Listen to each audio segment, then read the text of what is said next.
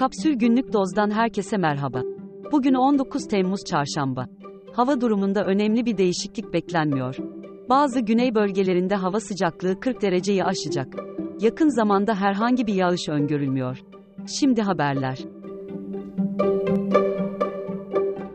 İstanbul'da Bostancı sahil yolunda bir otomobilin çarptığı bisiklet sürücüsü Doğanay Güzelgün hayatını kaybetti.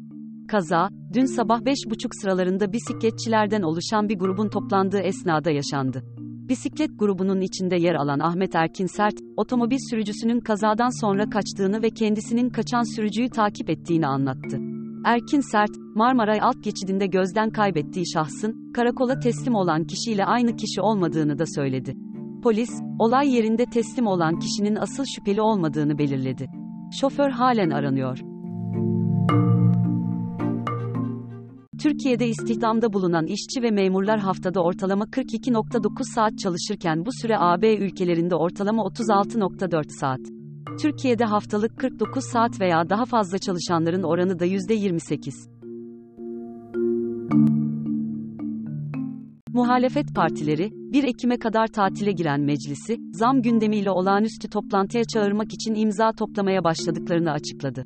Başvurunun hafta bitmeden yapılması bekleniyor.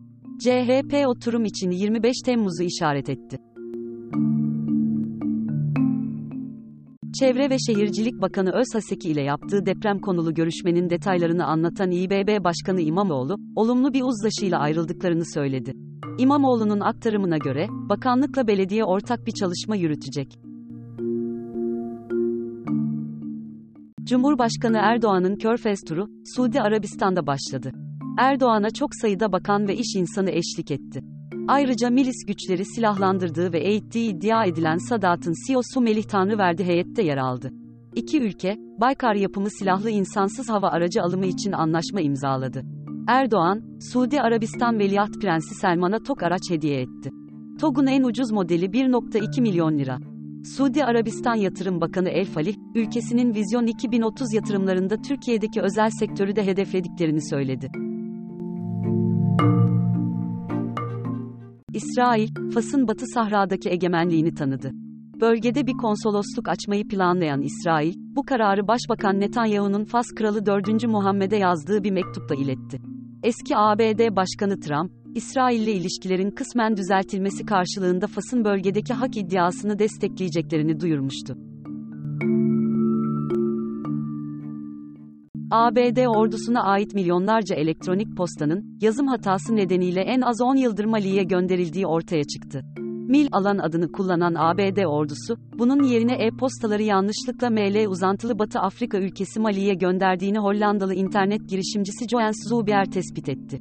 Zubier, Mali alan adının yönetimi için 2013'te bir sözleşme imzalamış, sözleşme süresi dün bitmişti. Avrupa Seyahat Komisyonu, kendi verileri üzerinden yaptığı tespitte aşırı sıcakların, turizm sektöründe kalıcı değişikliklere sebep olacağını vurguladı. Komisyon, Haziran ve Kasım ayları arasında Akdeniz'deki ülkelere gitmek isteyen turist sayısının geçen yıla oranla %10'luk bir düşüş gösterdiğini, buna da aşırı sıcakların neden olduğunu açıkladı. Aynı veriler, aynı dönemde Çek Cumhuriyeti, Danimarka, İrlanda ve Bulgaristan'da tatil yapmak isteyenlerin oranının arttığını gösteriyor.